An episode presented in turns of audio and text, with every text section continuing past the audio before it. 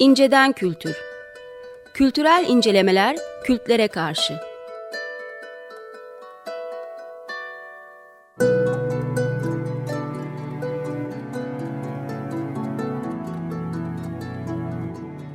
Hazırlayıp sunanlar Mesut Varlık ve Gökhan Aslan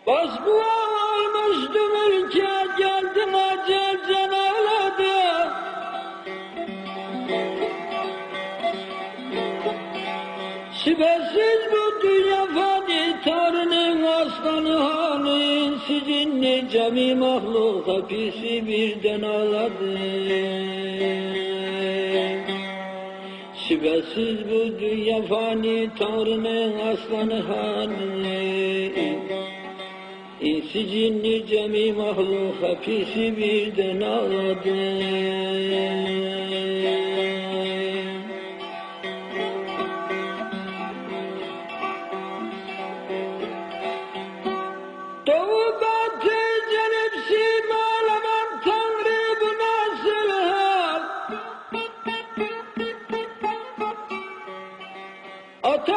çalışmadı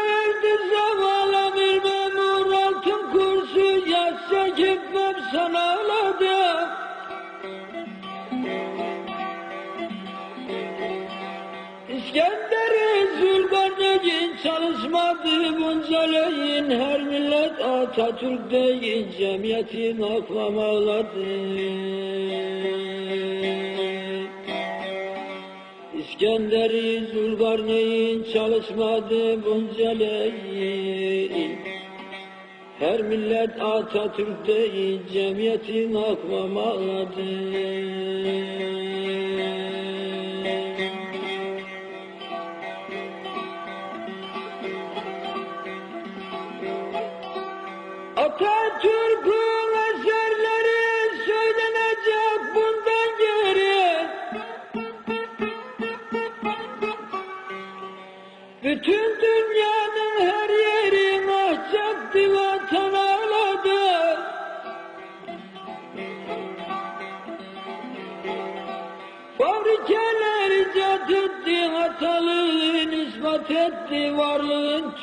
Terk etti, döndü çarş devran ağladı. Fabrikeler icat etti, hatalığın ispat etti. Varlığın Türkiye terk etti, döndü çarş devran ağladı. Merhabalar, İncelen Kültür'e hoş geldiniz. Ben Mesut Varlık. Ben Gökhan Aslan. Ee, şimdi bu akşamki programımıza da e, Aşık Veysel'den Atatürk'e ağıtı dinleyerek başladık. Çünkü e, Kasım ayı konuğumuz e, Ahmet Güneş hocamızla e, Cumhuriyet meselesini konuşmaya devam edeceğiz. Tekrar hoş geldiniz. Hoş bulduk. E, şimdi geçtiğimiz programda tam e, şeyde kalmıştık. Yeni anayasa tartışmalarının e, alevlendiği noktada kalmıştık. Dilerseniz oradan devam edelim. Tabii. Şimdi 1923'de e, biliyorsunuz seçim var. E, yeni bir e, meclis ortaya çıkacak. Ve herkes o yeni meclis oluştuktan sonra ilk yapılacak işlerden bir tanesinin yeni bir anayasa yapılması olduğunu bekliyor. Bir de işte Lozan'ın e, kabul edilmesi e, var e, meclis tarafından. Ama o anayasa bir türlü olmuyor e, o anayasa yapılsa işte e, beklenti şu ki e, halifelik devleti diye bir devlet kurulacak. Mustafa Kemal'in o saltanatı kaldırma yönünde olumlu oyları toplayabilmek için verdiği söz. Bunu yapmıyor. Tam tersine e, Cumhuriyet ilan edecek Eylül ayında. E, Ki o, e, saltanat ve hilafet meselesinde sanırım şöyle bir gariplik var. Gelenekte yeri olmayan bir hareket değil mi? Nedir? Yani saltanat ve hilafeti ortadan ikiye kesmek, ayırmak. Yani e, Yani sultanda e, hilafet bu, bu ve çok daha saltanat karmaşık iki bir ayrı e, soru. Böyle şey bir var mı? böyle bir şey yok. E, Aslında hilafet e, 1876'da anayasaya e, girmiş bir şey. Ondan evvel hilafet ciddi bir müessese olarak yok. Sembolik açıdan mı var sadece? E, Sembolik Uygulama- açıdan var. E, ayrıca zaten e, e, yani bitik anlanan her e, Müslüman e, hükümdar e, kendisine halife diyor. O vakte kadar bayağı halifelik ilan eden olmuş herhalde. Çok yani biz bizde de mesela Yavuz Sultan Selim'le halifelik Osmanlı sultanlarına geçmiştir diye çocukluğumuzdan beri öğrendiğimiz e, tarihimizin en dev yanlışlarından biri var. Yok böyle bir şey. Halifelik Osmanlı sultanlarına falan geçmiyor e, 1517'de Mısır'a gidildiğinde. Herhangi bir böyle tören yok, şu yok, bu yok. Ayrıca Yavuz Selim e, İstanbul'a döndükten sonra da o yaşlı Abbasi e, ailesine mensup kişi kendisine halife demeye devam ediyor e, Kahire'de. Ayrıca e, Yıldırım Bayezid kendisine halife diyor. Yani kaç yüzyıl e, e, yani bir yüzyıldan biraz fazla bir e, süre önce. E, o önemli bir şey değil. E, e, ayrıca e, o dönemde zaten halife sayısında enflasyon var. E, Dolayısıyla aslında su, şeye e, sultana e, iyice kıymeti düşmüş bir kartı bırakıyor. Şimdi e, Saltanatı evet kaldırıp sadece hilafete bırakarak. Ama öyle ama o tarihte e, saltanatı kaldırma e, konusunda destek sağlayabilmek için o söylediğinizin de tam tersini yaparak halifeliğin önemini yükseltiyor. Yani halife bir tür devlet başkanı olarak görülecek. Zaten e, e, e, mesela bugün muhafazakar çevrelerde niye hilafet kalktı diye bir soru sorarsanız size cevap olarak çünkü e, devlet başkanlığı, cumhurbaşkanlığı ihdas edildi diyeceklerdir. O öyle bir görüş var. Zaten cumhuriyet ilan edildikten sonra e, iki gün sonra e, Rauf Bey'in e, önemli bir demeci var eleştiren e, bu e, gelişmeyi ve orada Cumhuriyet'in ilanı aceleye getirildi diyor. Bu laf yani işte 6 ay ya da 3 yıl sonra e, yapsaydık olurdu da şimdi erken anlamına gelmiyor. Bu Cumhuriyet ilan edilmesi yani devlet biçiminin ne olacağına karar verilmesi anayasa yapılmadan önce oldu demektir. Hmm. Anlatabiliyor muyum? Nitekim o bile yetmeyecek. Ee, Cumhuriyet ilan edilip Cumhurbaşkanı işte Başbakan vesaire kabine sistemi ortaya çıktıktan sonra bile biz anayasa yapmayacağız. Bekleyeceğiz işte kriz çıkacak, e, tartışmalar olacak vesaire. Sonunda Mart başında e, 1924'te ilafet de kaldırılacak. Ondan, Ondan sonra sonra. Mustafa Kemal Paşa Şartlar müsait oldu. Buyurun şimdi anayasanızı yapın diyecek. Yani üç önemli nokta. e, Bir, saltanatın kaldırılması. iki Cumhuriyetin ilanı. Üç, hilafetin kaldırılması. Bu anayasa yapılmadan oluyor. Başka bir biçimde söyleyecek olursak devletin biçimi anayasa yapılmadan önce çıkıyor ortaya. Anayasa o devletin ne olduğu belli olan devletin altını doldurmak üzere yapılıyor. Dolayısıyla yaklaşık e, bir yıl ya da işte 9 ay boyunca bir Anayasasız. de facto devlet durumunda. E, o biraz daha fazla. E, çünkü e, 1876 Anayasası'nın e, e, öngördüğü sultanlık 1 Kasım 1922'de kaldırıldığı zaman da bir anayasa değişikliği yok. Evet. Meclis kararıyla yapılıyor bu işler. ancak anayasada bu tartışmalar olmadan yazılmaya başlasaydı e, belki sabitlenme ihtimali de söz konusu olurdu. Yani bu konuların kapatılıp e, yazılmasıyla bu konuları da dahil ederek yazma riski diye bir şey de var. Evet. O zaman anayasaya girip sabitlenmiş olacaktı devlet. Yani sabitlenmeden ne kastettiğinizi Kastettiğim- pek anlayamıyorum Hı, ama şimdi e, anlaşılan e, mesela Rauf Bey önce anayasa tartışmasına girelim demek istiyor. E, bundan da e, niyeti büyük olasılıkla tartışma olursa belki e, hilafet devletinin kurulması yönünde ya da e, cumhuriyete geçmeme yönünde güçlü bir kamuoyu e, olur e, diye bir düşüncesi var. Buna benzer bir şey. Evet. E, evet. E, şimdi e, bana kalırsa tabii bu çok saf e, bir yaklaşım. Ama e, bunu düşünmüş olabilir ve biraz daha popüler bir e, e, temel kendisine edinmiş olabilir. Çünkü bir düşünebiliyor musunuz şimdi anayasanın birinci maddesi işte Türkiye devleti nokta noktadır. Bunu tartışacaksınız. İşte şeylerde localarda e, gazeteciler var. E, zaten meclis tartışmaları bu gibi konularda hemen ertesi günü gazetelerde kelimesi kelimesine aynen yazılıyor. İyice kayda geçecek. Ha. Dolayısıyla böyle bir ortamda belki Cumhuriyete geçmek biraz daha zor olabilirdi. Ama ben sanmıyorum. E, çünkü Mustafa Kemal'in ekibi yani biraz evvel bu şeyden bahsettik ya e, hükümet krizinden. Orada size ne, ne demiştim? E, yani Mustafa Kemal Paşa'nın yeterli bir çoğunluğu var. Anlatıyor muyum? Bu, bu çok önemli.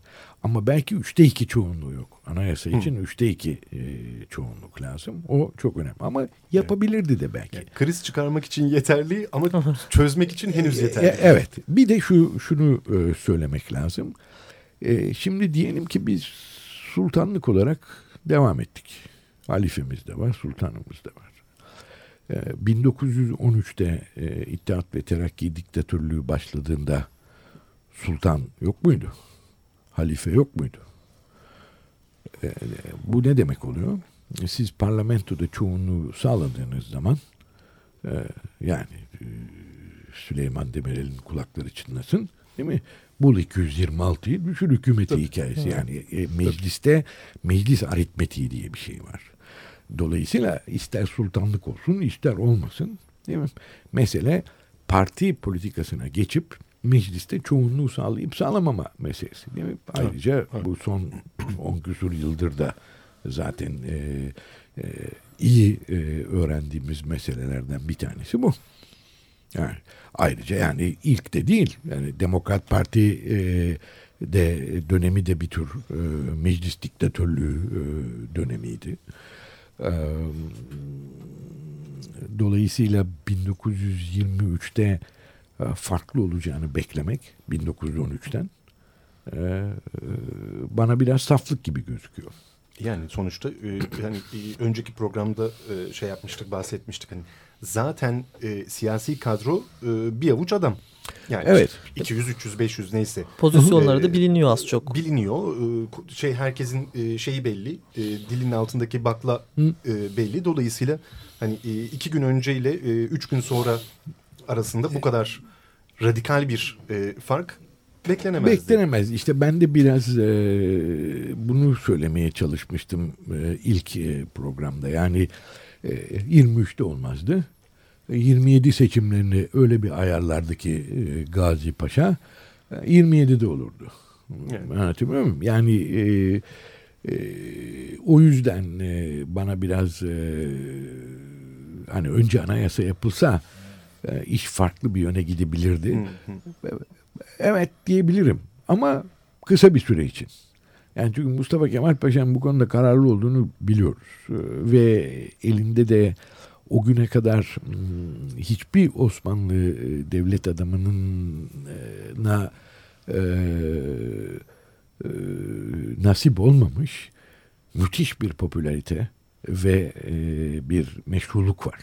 Zaferi getiren adam düşünebiliyor musunuz? Yani yüzyıllardan beri zafer nedir unutmuş bir topluma e, zafer kazandırıyor. İşte bağımsızlığı getiriyor. O müthiş bir gurur e, var ilk defa e, başımızı dik tutuyoruz. Şimdi böyle bir ortamda bu adamın çoğunluğu ele geçirmemesi düşünülebilecek bir şey değil. Evet. Yani. Ayrıca o günlerde e, iyi bir de önlem alıyor. Biliyorsunuz biz genel oy hakkına yani klasik anlamda genel oy hakkına e, kadınlar yok 1923'te geçtik. 3 Nisan 1923. Şimdi ona niye geçiyoruz?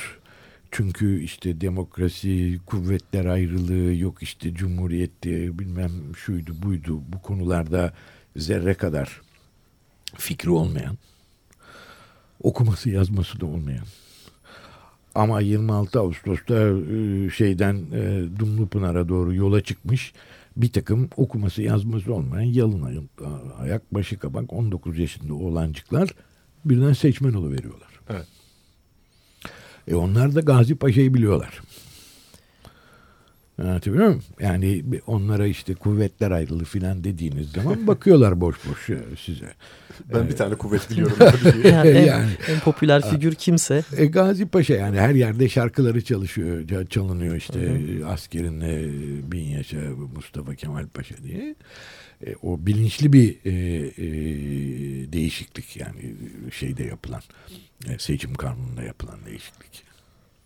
Peki isterseniz bu e, programın ikinci yarısında da biraz e, şeye geçelim. E, Cumhuriyet kuruldu, işte e, çok partili döneme geçtik bilmem ne falan filan. Şimdi tarih kurumunun e, ilk başta şeyiyle başlıyor. E, meşhur e, tarih tezi üzerinden kurulan bir e, tarih yazımımız söz konusu ve bir, ciddi bir sürede e, o hakimiyetini sürdürüyor. Evet. E, ne zaman e, şey başladı Türkiye'de eleştirel bir şekilde dönüp e, yahu bir dakika hani o kadar da e, şey e, Göktürklerden biri e, planlı programlı bir cumhuriyet olmayabiliriz demeye başlandı. Vallahi bence bu her zaman vardı. Yani bu demin söylediğiniz o Türk tarih tezisi zamanında bile buna hiç yüz vermeyen bir takım tarihçilerimiz var ama onlar biraz e, kenarda kalacaklar ha, tabii. Işte. E, mesela Ahmet Refik Altınay e, işte milletvekili yapılmayacak. Gerçi Ahmet Refik'in başka sorunları da var. Onun e, bu iki komite iki kıtal diye e, Ermeni meselesini anlattığı kitabını Mustafa Kemal'in beğenmediğine Hı. dair bir takım dedikodular var. Ee, o da olabilir bilemiyorum ama e, yani Türk tarih tezine e, yan bakıp da gene de e, köşeye bucağa itilmeyen insanlarımız da var. Mesela Fuat Köprülü de e, Türk tarih tezine balıklama atlamıyor. Hı. Ama saygınlığından da bir şey kaybetmeyen e, bir insan. E, öte yandan yani sorduğunuz soruyu sevdim çünkü resmi tarih diye bir deyim kullanmadınız. Çünkü bana kalırsa resmi tarih diye bir şey e, yani olur tabii. Ama o da sürekli değişim geçiren bir şeydir. Hı. Yani hep böyle nokta atışı yapmamız e, işte şu tarihlerde resmi tarih resmi görüşü tarih. neydi dememiz lazım. E, bunu okul kitaplarından çok güzel anlıyoruz. Evet. Yani e, şimdi mesela ben e, okulda e, tarih kitabında işte sizler de görmüşsünüzdür. Orta Asya'da böyle garip bir yer vardır sarı renkli. Ve oradan bir takım kırmızı oklar çıkar değil mi? Türkler oradan yayılmışlar. Şimdi 1930'lardaki kitaba baktığınız zaman artık ne yapacağınızı şaşırıyorsunuz. Gülmek mi, ağlamak mı? Orada okların sayısı o kadar fazla ki Düşünün o bir sayfaya sığan dünya haritasındaki İrlanda adasının büyüklüğünü orada bile üç ok, ok var. orada üç. biri kuzeye, biri güneye, biri de batıya doğru gidiyor. Şimdi bunları e, çok kestik. Yani e, bu kadar e, şey yapmadık. E, ayrıca e, birlikte giden dil devriminin e, yaşadığı gibi bir şey oldu. Nedir o? E, işte uçak kelimesini kaldı. Tayyarenin yerini aldı. Evet. Ama uçman kalmadı. Ee, evet. Sevmedi millet. Onun yerine hala pilot diyoruz. Ki o uçak da yanlış bilmiyorsam zaten önce havaalanı karşılığı gibi olup sonra e, tayyareye ihale Aa, oldu diyebiliyorum ben onu. Onu ben bilmiyorum. Yani, yani durak gibi uçak. He, olabilir e, ama bilmiyorum. E, Birçok başka e, kelime nasıl tutulmadı e, ise e, bu tarih e, tezini de e, gittikçe yani bunun abartılı bir şey olduğunu vesaire. E, zaten e, Mustafa Kemal'in de ama e, bu işe pek e, e, ciddi olarak bakmadığına dair bir şey var. Yani unutmayın o dönem hakkında işte Türk tarih teziydi, ırkçılıktı vesaire işte efendim e, e, antropometri çalışmaları falan bunlar üzerine çok yazıldı çizildi ama e, belirli bir dönem havasını iyi yakalayarak yapılmadı bu. E, bazen 3-5 kişinin e, takıntıları bütün bir nesle yüklendi. Bazen de bunların bir takım e, safça arayışlar olduğunu, yani arkasında ciddi Avrupa'da tanıdığımız tarzda bir ırkçılık e, olmadığını e, göremedik yani. Yani bana e, kız kardeşim anlatmıştı. Ona da e, Lord Kinross anlatmış. Ona da e, e, yani bir hadis söyler gibi söyledi. evet, ha, e, ona da e, Sir Stephen Runciman yani bu meşhur e, e Haçlı Seferlerinin tarihçisi. E, ona da İstanbul'a geldiği zaman o da çok komik bir hikaye. Çünkü 1943 Ocağı'nda Adana'da buluştuklarında işte e, şey Churchill savaşa gireceksiniz diye sıkıştırıp duruyor İnönü'yü. İnönü savaşa girmeyi onu da isterim bunu da isterim. Bir sürü şey istiyor. İstediklerinden bir Yokuşa tanesi sürüyor. İstanbul Üniversitesi'nde Bizans kürsüsünü, Bizans tarihi kürsüsünü kuracak profesör istiyor. Hmm. Düşünün. Ve Sir Stephen Runciman geliyor hiç Türkiye'yi bilmeyen, Türklere de pek fazla sempatisi olmayan Bizansçı arkadaş. Bu hani İstanbul'un fethini, İstanbul'un düşüşü olarak gören arkadaşlardan. Bunun yanına işte böyle mihmandar, tercüman, el kolu olsun diye bir genç kadın e, atıyorlar üniversiteli. Buncağız ona anlatmış. Bu Atatürk'ün yakınlarından birinin kızı ve hititoloji okumuş Ankara'da. Tam o 30'ların çılgın havasında. Akşam Atatürk eve yemeğe geliyor. İşte kızı tanıştırıyorlar. Ne yapıyorlar? Öğrenci. Aa, ne okuyorsunuz? Hititoloji bile. Aa diyor çok seviniyor Gazi Paşa. Diyor söyleyin bakalım diyor. Bu Hititçe diyor Türkçe'ye benziyor mu? Benziyor. Kızımız tabii radikal. Ha? Üniversite ateşli. genç, ateşli. Hayır efendim daha çok Ermenice'ye benziyor. Hadi bakalım. Ee, anne baba acaba nereye saklansak falan diye düşünmelerine kalmadan Atatürk bir kahkaha patlatıyor ve diyor ki tüh diyor. Şimdi diyor Ermenilerin de Türk kökenli olduklarını ispat etmemiz gerekecek. E çok Şimdi arkadaş buna biraz böyle mesafeli yaklaşıyor. Yani bunun bir pedagojik hile olduğunu evet, no? evet. farkında. Ee, böyle inanmıyor o işlere. Ben biliyorum yani dayım e, anlattı. Dayımla şey Fethi Okyar e, yani daha doğrusu dedemle Fethi Okyar'ın evleri yan yana. Hı. Ve iki oğul e, benim dayımla Fethi Bey'in oğlu Osman Okyar sınıf arkadaşı Galatasaray Lisesi'nde. Atatürk'te ikide bir de geliyor Fethi Bey'e. Dolayısıyla görüşüyorlar. Bir sabah e, işte tam bu dil devrimi sırasında Atatürk işte diyor bakın diyor çocuklar diyor bu İngilizce'de oğlanlara boy deniyor ya diyor. O Türkçe'de boy postan gelir falan deyince bizimkiler Galatasaray Lisesi'nde öğrenci başlıyorlar kıkırdamaya. Hiç tabii böyle şeylerde taraklarda bez yok. Bunlar kıkırdamaya başladıktan bir müddet sonra Atatürk de gülmeye başladı. Aman diyor zaten diyor biz bunları sizin gibi iyi okumuş çocuklara yapmıyoruz. Şimdi süper. dolayısıyla yani bunun tam bir işte hani din toplum öyle, mühendisliği sosyal, bu. Yani. Eyvallah tam sözü toplum ağzımdan aldınız. Tam bir toplum mühendisliği ve bilinerek yapılmış. İşte invention of tradition vesaire değil mi? Tam Kasti. o inanmıyor buna. Ama bunun bir gereklilik olduğu kanısında. Şimdi ırkçılık meselesine gelince o da öyle. Şimdi sen hem ırkçı olacaksın hem de Kürtlere Türkçe soyadı vereceksin. Bu olacak şey değil. Yani ya birini yaparsınız o zaman ırk vardır ve temiz kalması gerekiyordur. Kürdü Türkleştirmeye çalışmazsın. Yok ötekini yapacaksan bu sefer ırkçı değilsin. E, peki bu ya da işte şey sözde bir ırkçılık gibi e, bir durum. Yani bütün bunlar böyle karma karışık bir e, yani bir Türkleştirme e, şeyi söz konusu ama. Kesin. E, ama ırkçı ama ırkçı olursanız başkası ne dedi? Yani. Şimdi siz gelin de Alman ırkçısını anlatın bakalım e, kim Alman kim değil. Olacak şey değil. Yani bu konularda hem bakan bilim insanlarımızın çok daha dikkatli olması lazım. Bir de o dönemin insanların böyle karma karışık parlak bir eğitimden değil mi ağır bir böyle toplum bilim ya işte neyse tarih, e, sosyoloji, antropoloji bilgisi olmadan doğaçlama bir takım işler yapan evet. adamlar olduğunu unutmayın. Ayrıca bu adamlar devrimci. Ne demek devrimci? ben yaparsam olur diye düşünüyor. E, bir Sovyetleri düşünün. Adamlar parayı marayı evliliği filan kaldırmaya kalkmışlardı. Hatırlasanıza. Yani değil mi? Fransızlar takvimi değiştirdiler. Haftayı kaldırıp yerine 10 günlük e, şey koydular. Yani bu devrimcilerin böyle bir nasıl diyeyim? O ateşin doğasında. Neredeyse deliliktekine benzer bir özgürlükleri var. İstisnai Ve özgüvenleri var. Evet kesin. E, ya bir Yani bunların arkasında böyle e, İtalyan faşistleri ya da Sovyet komünistleri gibi böyle plan, program, e, uzun boylu düşünülmüş bir e, şey aramamak lazım. bahsettiğiniz anekdotta iyi çocuk, iyi e- öğrenim eğitim almış çocuklar. Peki benim aklıma orada o şey sorusu geldi. Ya bu iyi eğitim almışlar diğerlerine anlattığı zaman ne olacak? Bunun böyle olmadığını yani.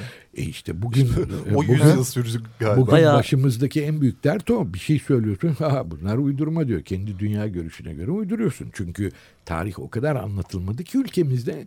Şimdi anlatıldığı zaman şey gibi oluyor işte. Bu meşhur hepimizin çocukluğumuzda öğrendiğimiz yalancı e, şey e, çoban oğlan fıkrası vardır ya e, hikayesi. hani kurt var der e, hep dalga geçer. Sonunda gerçekten kurt var dediği zaman "Ba- gene dalga geçiyor diye kimse gelmez koyunları yer kurtlar. Şimdi bizde de bugün artık öyle bir şey oldu ki kim e, akademik bir şey çıkartırsa ortaya ona da "Ha, bu kendi dünya görüşüne göre e, alternatif bir e, uydurma tarih e, yapıyor diyorlar. O yüzden e, e, her şeye komplo teorisi olarak bakmak e, ilk refleksimiz haline geldi toplum olarak. Ee, siz e, ben yani e, işte yayın kurulunda olduğum tarih dergisinde bir takım kaynaklar göstererek bir takım şeyler söylüyoruz. Bize okur mektubu olarak siz kendi dünya görüşünüze göre tarih icat ediyorsunuz diye yazık geliyor. Ya diyoruz işte biz bunu buradan aldık. Kaynağın yalancısıyız. Evet yani bu şey gibi hani e, e, Orhan Pamuk'un Cevdet Bey ve oğullarındaki muhafazakar e, babaanne e, şey e, oğlu o meşhur prizma şeysini yapar deneyini. Çevirince yedi renk beyaz olur. Aa bu şeytan işi der o. Gördüğüne inanmaktansa. Anlatabiliyor muyum? Öyle bir durumla karşı karşıyayız ve maalesef e, bunun üstesinden daha 10 yıllar e, gelemeyeceğiz kanısındayım. Çünkü bir toplumu yeni baştan eğitmek e, korkunç bir şey yani. Zannediyorum o e, meseleyi konuşmak başka bir e, programa Evet, kalmak evet. zorunda. Yine süremizi açtık. E, ayaklarınıza sağlık. Çok çok teşekkür ediyoruz. Ben teşekkür ederim davet ettiğiniz için. Sağ olun. E, efendim iyi akşamlar. Görüşmek üzere bir İyi sonraki akşamlar. programda.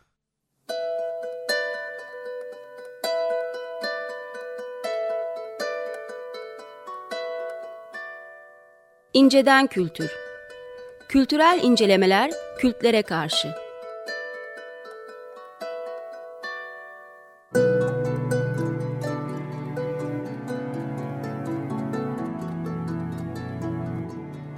Hazırlayıp sunanlar Mesut Varlık ve Gökhan Aslan.